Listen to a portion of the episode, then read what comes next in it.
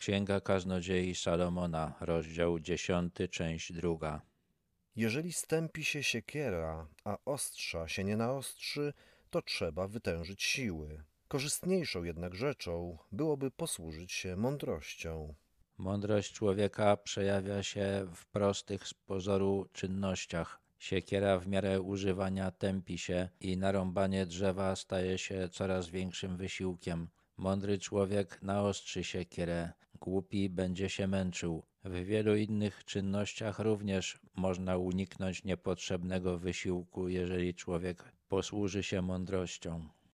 Jeżeli wąż ukąsi przed zaklęciem, to zaklinacz nic nie zyskuje. Zaklinacz węży to człowiek, który umie sobie radzić z wężami. Głównym źródłem jego zarobku jest usuwanie jadowitych węży z domów ludzi, którzy sobie z wężami radzić nie umieją. Jeżeli jednak będzie tylko czekał, aż ktoś, kto ma w domu węża, zgłosi się do niego i poprosi o usunięcie, to wiele nie zarobi. Mądry zaklinacz węży nie tylko będzie umiał postępować z wężami, ale też do, będzie docierał do swoich potencjalnych klientów, zanim węże ich zabiją. Są też inne zawody, w których takie podejście jest mądre. Słowa z ust mędrca zyskują uznanie, ale głupca gubią jego własne wargi.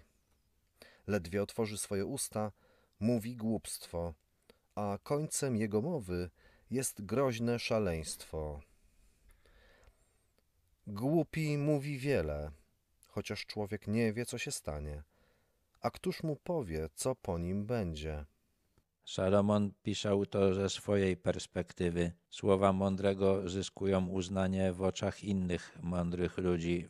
Na uznanie głupców mędrzec liczyć raczej nie może. Głupiec może zyskać swoimi słowami uznanie u innych głupców, ale tym, co mówi, gotuje sobie zgubę. Im dłużej mówi, tym bardziej odrywa się od rzeczywistości i sam siebie wprawia stan podobny do szaleństwa. Ponieważ lubi dużo mówić, często ten stan osiąga. Wydaje się, że przewidywanie przyszłości jest jednym z jego ulubionych zajęć, choć przyszłości przewidzieć się nie da. On jednak wierzy w swoje przewidywania i to właśnie powoduje, że zachowuje się jak szalony. W naszych czasach można zobaczyć, jak to wygląda. Komuniści przewidywali, że wybuchnie rewolucja światowa i wszystkie swoje działania podporządkowali temu przekonaniu. Ekolodzy przewidują, że już niedługo klimat Ziemi ociepli się tak, że życie stanie się na niej bardzo trudne i celem wszystkich ich wysiłków jest zapobiec temu.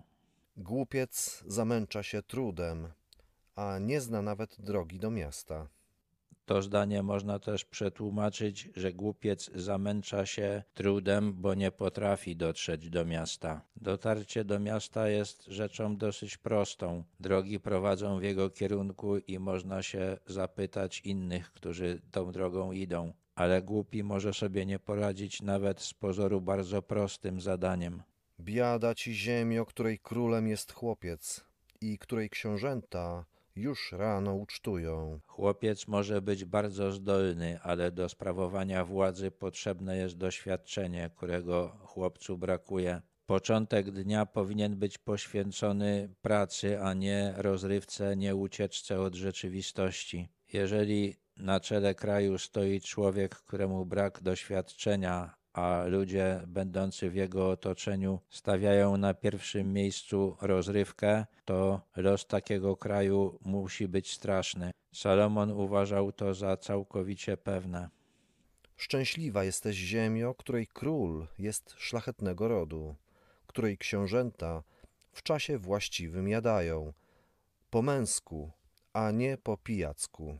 Człowiek, którego przodkowie byli szlachetni, sam też będzie miał szlachetne usposobienie, a taki właśnie powinien być przywódca państwa. Dosłownie tekst hebrajski mówi o książętach, którzy jedzą na wytrzymałość, a nie dla pijaństw, czyli są ludźmi, którzy pożywiają się po to, żeby mieć siłę, a nie dla przyjemności. Zdaniem Salomona kraj, którym rządzą tacy ludzie, na pewno osiągnie sukces. Gdzie wielkie lenistwo, tam dach się zapada – a gdzie ręce opieszałe, tam dom zacieka.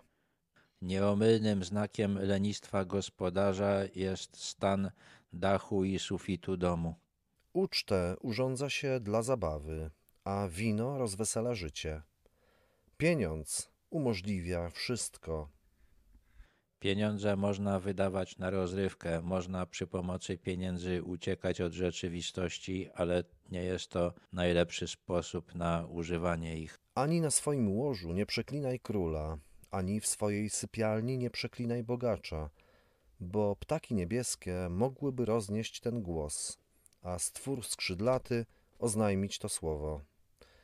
Jeżeli wyrażamy się nieprzychylnie o ludziach sprawujących władzę lub posiadających wielki majątek, to należy się liczyć z tym, że ktoś doniesie im, co o nich mówimy. Poleci donieść, jakby miał skrzydła.